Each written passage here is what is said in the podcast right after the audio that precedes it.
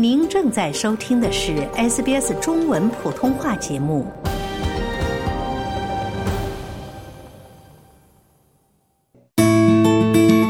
我家的果树为何不开花、难挂果呢？有机肥、无机肥，琳琅满目的肥料该如何选择？对症下药。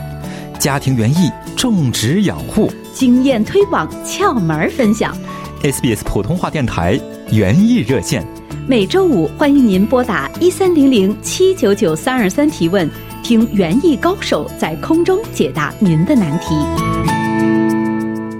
听众朋友们，您现在正在收听的是 SBS 电台每天两个小时的中文普通话节目，我是雨夜。现在呢，为您直播的是每周五早上八点二十到九点的园艺热线节目。那么本期园艺热线呢，我们请到园艺高手张重岩，也是我们的老朋友了，和大家接着上期来继续分享应该如何节水。那么说到如何节水这个话题啊，澳大利亚呢是一片非常干旱的大陆，所以呢，在夏季去谈论节水这个话题呢，也是非常的重要。听众朋友们，我们的热线电话一三零零七九九三二三一三零零七九九三二三，现在是已经向您开通了，欢迎您在八点五十五分之前拨打电话来和我们提出有。关于园艺的问题，听专家在空中呢为您答疑解惑。同时呢，我们也非常欢迎您拨打我们的热线电话，和我们来分享您的节水小妙招。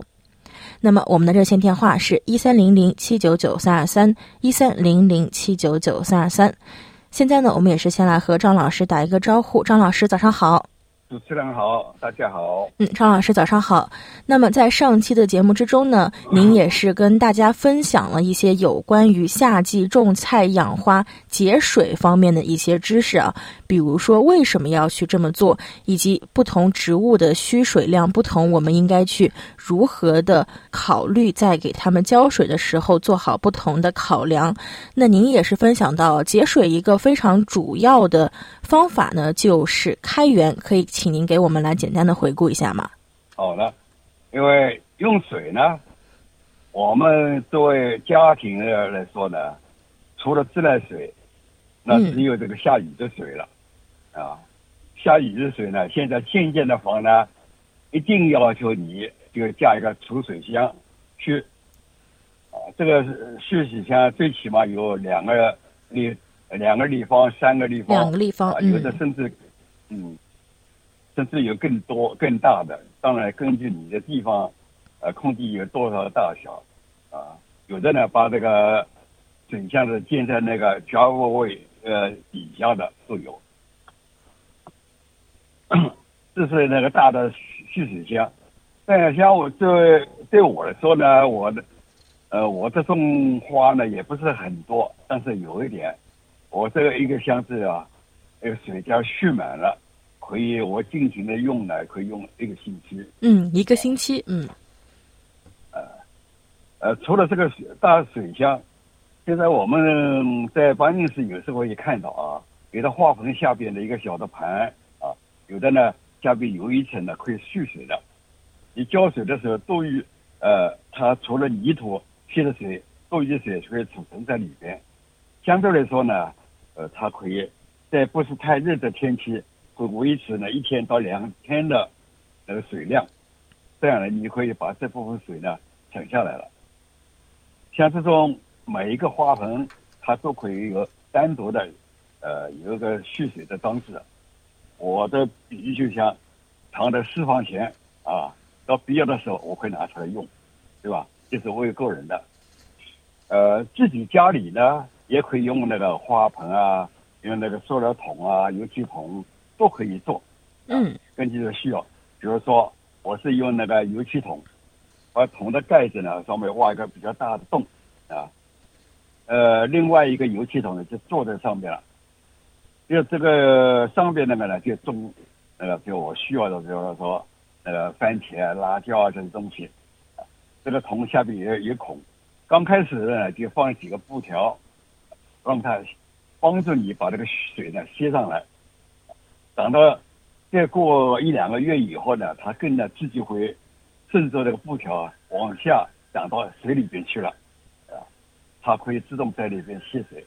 你平时浇水的时候，你要多浇一点的，好吧？或者下雨的时候，它的水呢都会储存在这桶里边。这个桶，呃，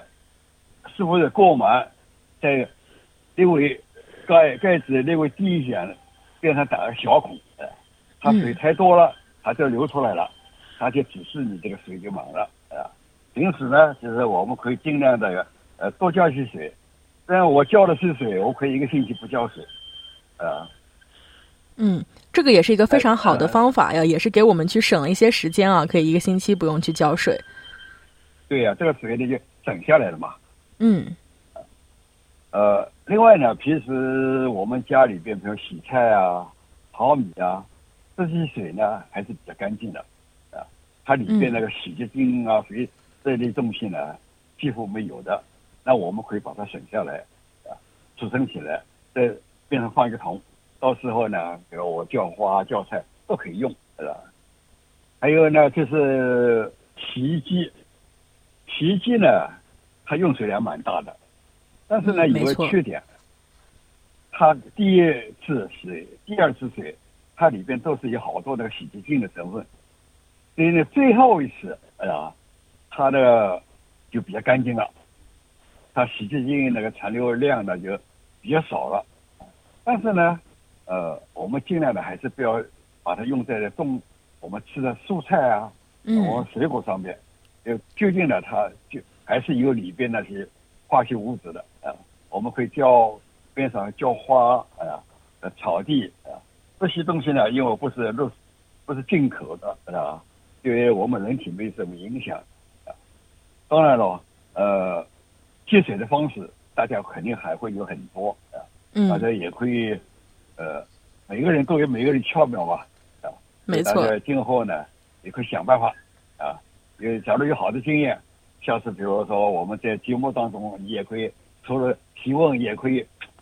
把它拿出来介绍给大家。嗯，没错，也是欢迎大家来拨打我们的热线电话一三零零七九九三二三一三零零七九九三二三，和我们来分享您自己的一些节水的小妙招啊。现在呢，我们也是来稍事的休息一下，在广告之后，欢迎您继续收听。SBS 电台每周五早上的园艺热线节目，我们今天和大家讨论的话题呢，是如何在夏季种菜养花时节水。如果您有任何的节水小妙招，或者是您有任何同园艺相关的问题，也是欢迎您拨打我们的热线电话一三零零七九九三二三一三零零七九九三二三。听众朋友们，您现在正在收听的是 SBS 电台每天两个小时的中文普通话节目。现在呢，为您直播的是每周五早上的园艺热线。今天园艺热线呢，我们要和您聊一聊夏季种菜养花时应该如何节水。我们的热线电话一三零零七九九三二三，现在是已经向您开通。如果您有任何的节水小妙招，或者是您想提出和园艺相关的问题，听专家在空中为您解答呢，您都可以。来拨打我们的热线电话。哎，张老师您好。呃，大家好，你好。嗯，张老师，那刚才您也是跟大家介绍了节水时开源的几个做法啊，比如说使用蓄水箱，去使用这个淘米洗菜之后的水来浇花浇菜，以及使用洗衣机最后一次排水收集的水呢来浇花浇草地啊。那除此之外呢，我们说到开源啊，就会想到节流，那是否也有一些和节流相关的节水方法呢？说到节流呢，就是比那个开源呢，就要放的更多了。嗯啊，呃，我们节流呢，就是节省用水。但是我们节水、节省用水呢，不能就把呃给植物需要的水把它扣了下来。嗯，这个不能扣啊。嗯，那不行啊，要满足它的需要的，呃，需要植物的需要的水量，就把那些浪费的啊。就是无谓一个消耗的那个水，把它节省下来。最主要的，我们要减少那个蒸发啊，因为我们浇水，除了它叶子，植物叶子本身的蒸发，它是必须要的啊。嗯。因为有了蒸发，它才有动力把那个水呀，从的根部一直注送到各个部位。根呃，随着水就把营养也送到各个部位。呃，没有蒸发。它就没呃就是我不能生长。但是除了这个，他必须的，那其他的无谓的那蒸发呢，我们就减少。嗯比如说，蒸发跟温度有关啊，在中午太阳晒得太热的时候，那水浇上去，马上就部分水呢，就就从表面上蒸发了，叫水蒸气。这些呢，就是我们尽量要避开这个时间，然后早上跟晚上，它土壤表面的温度比较降低的时候，啊，那么你水浇到土壤，呃，往在灌水的时候浇水的时候呢，它就不会有大量的呃水分去蒸发。这是要掌握这个，最好在早上跟晚上温度低的时候。嗯第二个，我们浇水呢要在土壤上，不要去像我们洗澡淋浴一样从头到底，因为从上面淋下的叶，从叶子上淋下来的水呢，对植物本身呢它没有什么大的帮助的，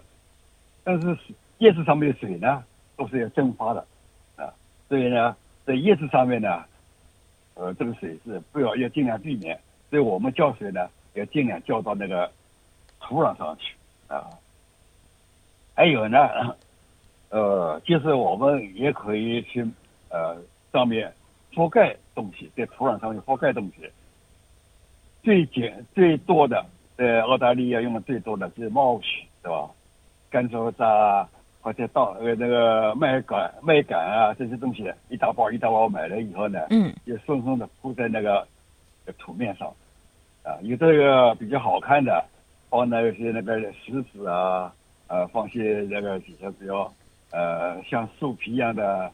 呃，或者 chips 啊这些东西，都是能够减少那个水分的蒸发。当然了，也还有一种就是防潮，放那个长野草的布，啊，黑黑的，嗯它水分能下去，但是野草种子在上边呢，它可以防止它在上面长成野草，啊。嗯 但是在加这个猫期的要注意的，就在在是，假如你是我是果树，不要去靠近那个贴在那果树上面往上堆，啊，我看要有时候经常看到的，哦，就各下草上我就往树根上面一堆，啊，而且靠近树干的部位呢越高，啊，像小土堆一样的。但什么害处呢？因为这个猫期这个东西呢，它比较湿的，湿的呢就容易呃有什么细菌啊、病菌啊繁殖，这样呢就也会引起树干这个树皮的腐烂，也这个菌呢到树体里边呢就引起这个树干生病，啊，嗯所以我们放的时候呢，离开树的杆周围呢要离开一点，就要离十公分啊、十几公分的这个一空档啊，让它这一圈放着不离开一点。嗯，也是要去保持一些距离啊，这样也可以去防止引起一些病害。也是非常感谢张老师给我们来分享一些有关于节流的方法啊。那刚才张老师呢也是说到了减少蒸发是非常重要的。那现在呢，我们线上也是有一位听众朋友，张老师，我们先来听一听这一位听众朋友有什么要问的吧。好的，这一位是甄先生，您好，喂喂，哎，您好，请问有什么要问一下的呢我问？一下，哎，张老师，你好，哎，你好，哎，早上好，我我我们家里种了两棵果树，一棵是橙树，一棵是梨树。呃，我我们不懂，我们平常都有施肥的，可能钾肥少啊，是什么原因？就是前年的那个橙树结了两百零一棵树结了两百零五个橙子，嗯树也长得好，也也不不收获也不少。哇，到今年呢少了很多，那个橙树呢也掉了，这结开始结果是丢丢了很呃落地，很多那个小小的刚刚开始结就就掉下来了，这个怎么处理呢？挂不住果的这个问题啊，就是就又掉了一个橙子，它就自己脱落下来，嗯。那个小的很小的，啊啊，像那个葡萄那么大的丢下来了，嗯。掉对下来了。呃，它掉果往往就是这么小的掉果，一个呢，你挂果挂的太多了，它就哦超过它本身树的负担，这是它天然保护自己的呃那个功能啊。嗯。比如说你一棵小小的树，挂了几千个果，它不可能负担这么多的啊。到后来果越大了，它需要营养更多，它会自动的呢，有那些比较差的或者有有个一些枝条上面长得太多的，它自己会掉一部分，这是正常的啊。但是另外一种呢，就是你的肥不够了，嗯下边那个营养跟跟不上了，它也会掉果。对，还有呢，呃，在比如说这瓜果这期间，你这个肥啊施的太多，嗯因为一个肥一下子放太多，有的人呢就讲，哎呦，我看到挂果了，我就给他多多给些啊，拼命往上面加肥，肥太多了以后呢，它也会引起它这个呃它这个呃掉果的现象。就像我们人吃饭呀、我不可能把几天的饭一顿啊、一次都吃下去，也是要按顿按顿吃的。所以我们这个果树呢，在瓜果的时候呢，我们可以用些呢水溶肥啊，不要太浓啊，过两三天用一次，过两三天呃这个用一次，这样呢就会比较均匀的让它吸收啊，还有一个呢效果比较好，因为水溶肥呢下去了以后它马上能吸收的，你放一大堆鸡粪，它也不是马上吸收，啊慢慢的溶解下去的，啊，还有浇水。呃，这个跟天气也有关系的。这个气候那个变，呃，太热了，一下子哗下大雨，这对它的感觉呢也是很不舒服的。所以呢，这是几个掉果的原因。啊，你可以对照一下子，我在这个管理这个树中间，它是有哪几个问题呢发生的？那个那个陈树那个啊树枝树叶好像比较密，要要修剪剪一下了是吧？要缩理。对呀、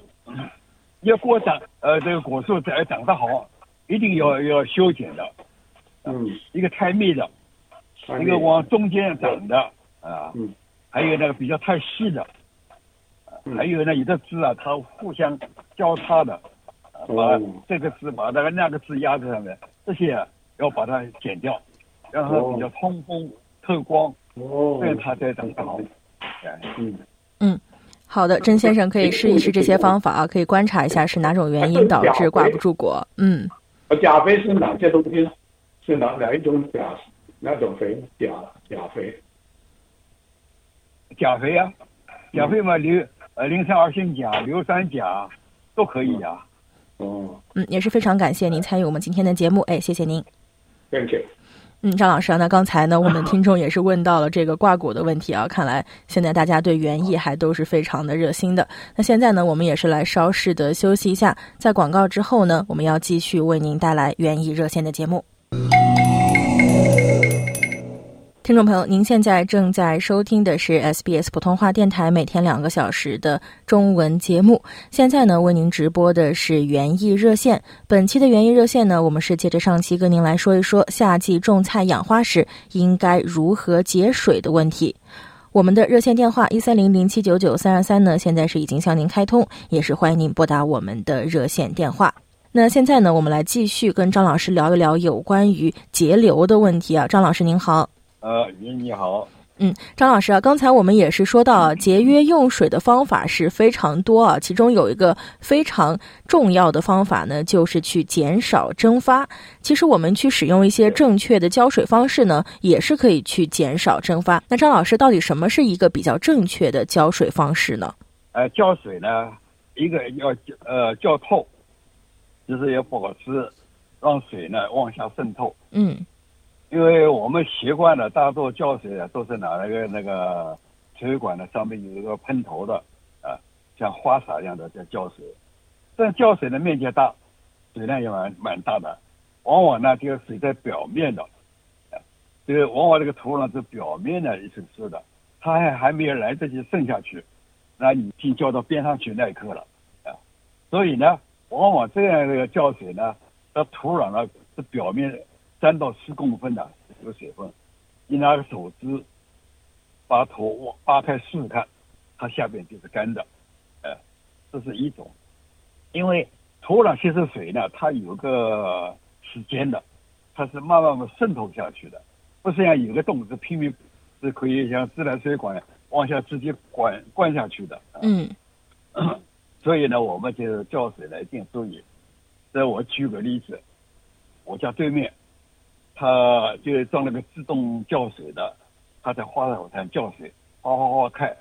开了一回呢，我在边上就看到了，他水呢就流出来了，流到街道边上那个那个水沟边上，看到那个水啊，就哗哗哗就在流掉了。嗯这样水呢，我估计是一半已经浪费掉了。嗯因为土壤吸水啊，它有个过程的，不是很快的。你浇再多再多，它到表面饱满了以后，它往上渗的时候啊，它就比较困难。所以我建议呢，像这种情况呢，你是开个五分钟或者两分钟，甚至不要太多，嗯。停个呃半小时，过去再开，再半小时再开，放个两次到三次，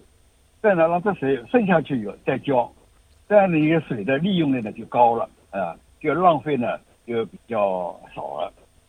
这是我们叫这个地上的，就是叫叫花盆，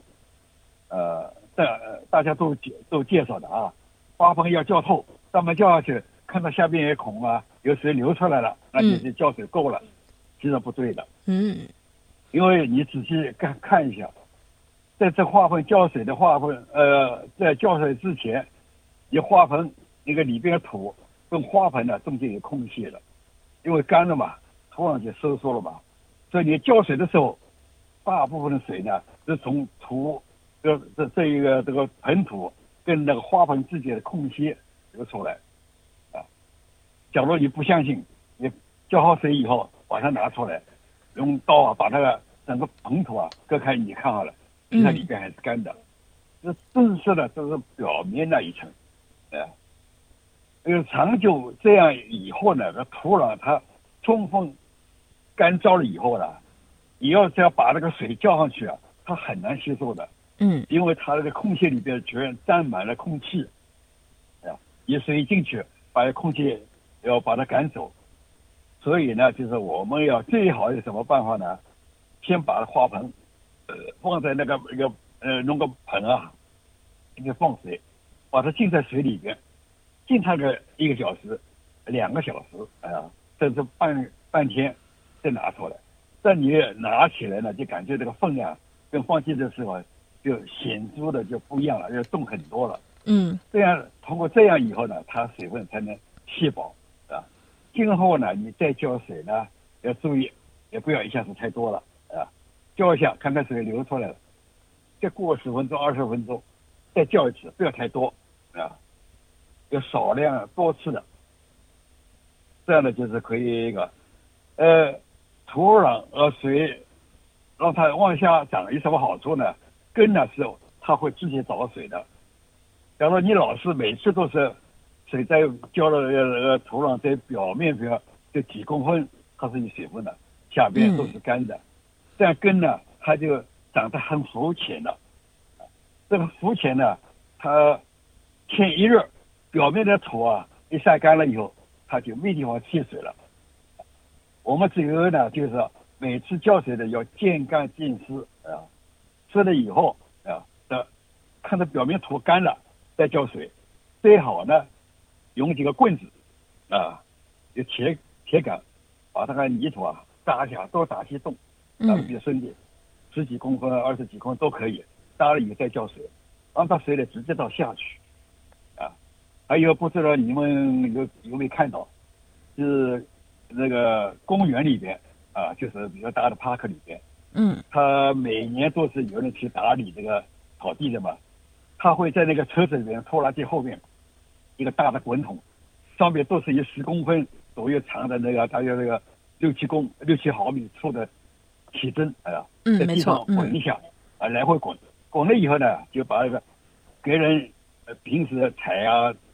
呃这些土壤就压实了，经常浇水，土壤也会结实了，不透气了。通过这样滚了以后呢，让空气啊、水分有进去了，这样这个草地才会长得好了。所以这是很很重要的一桩事啊。这样通过这这样水下去以后呢，它根呢，它会往下去找水，这根呢就深了，根系就会长得比较发达啊，这样对你植物生长啊就会好，它就更抗耐寒啊。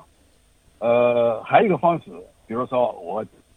呃要种果树了啊，买了一棵圣女树啊，什么树啊，树苗要种下去，那我就离开树苗呃半米啊，到八十公分这个范围去买一条管树的啊，就大概七八十公分的，埋到下面呢埋个半米深啊。嗯，呃，管子粗细呢，大约是七公分左右吧，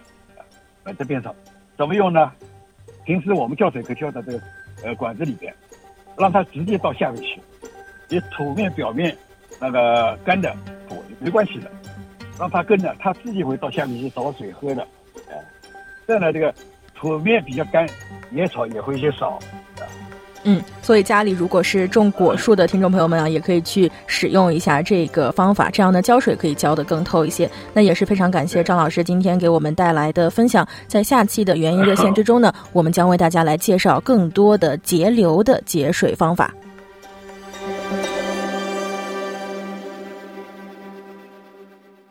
想在 SBS 当一回影评人吗？SBS On Demand。正在推送配有中文字幕的热门影视作品，您只需观看一部或以上影视作品，并把影评观后感发给我们，就有机会赢得一份 SBS 精美礼品。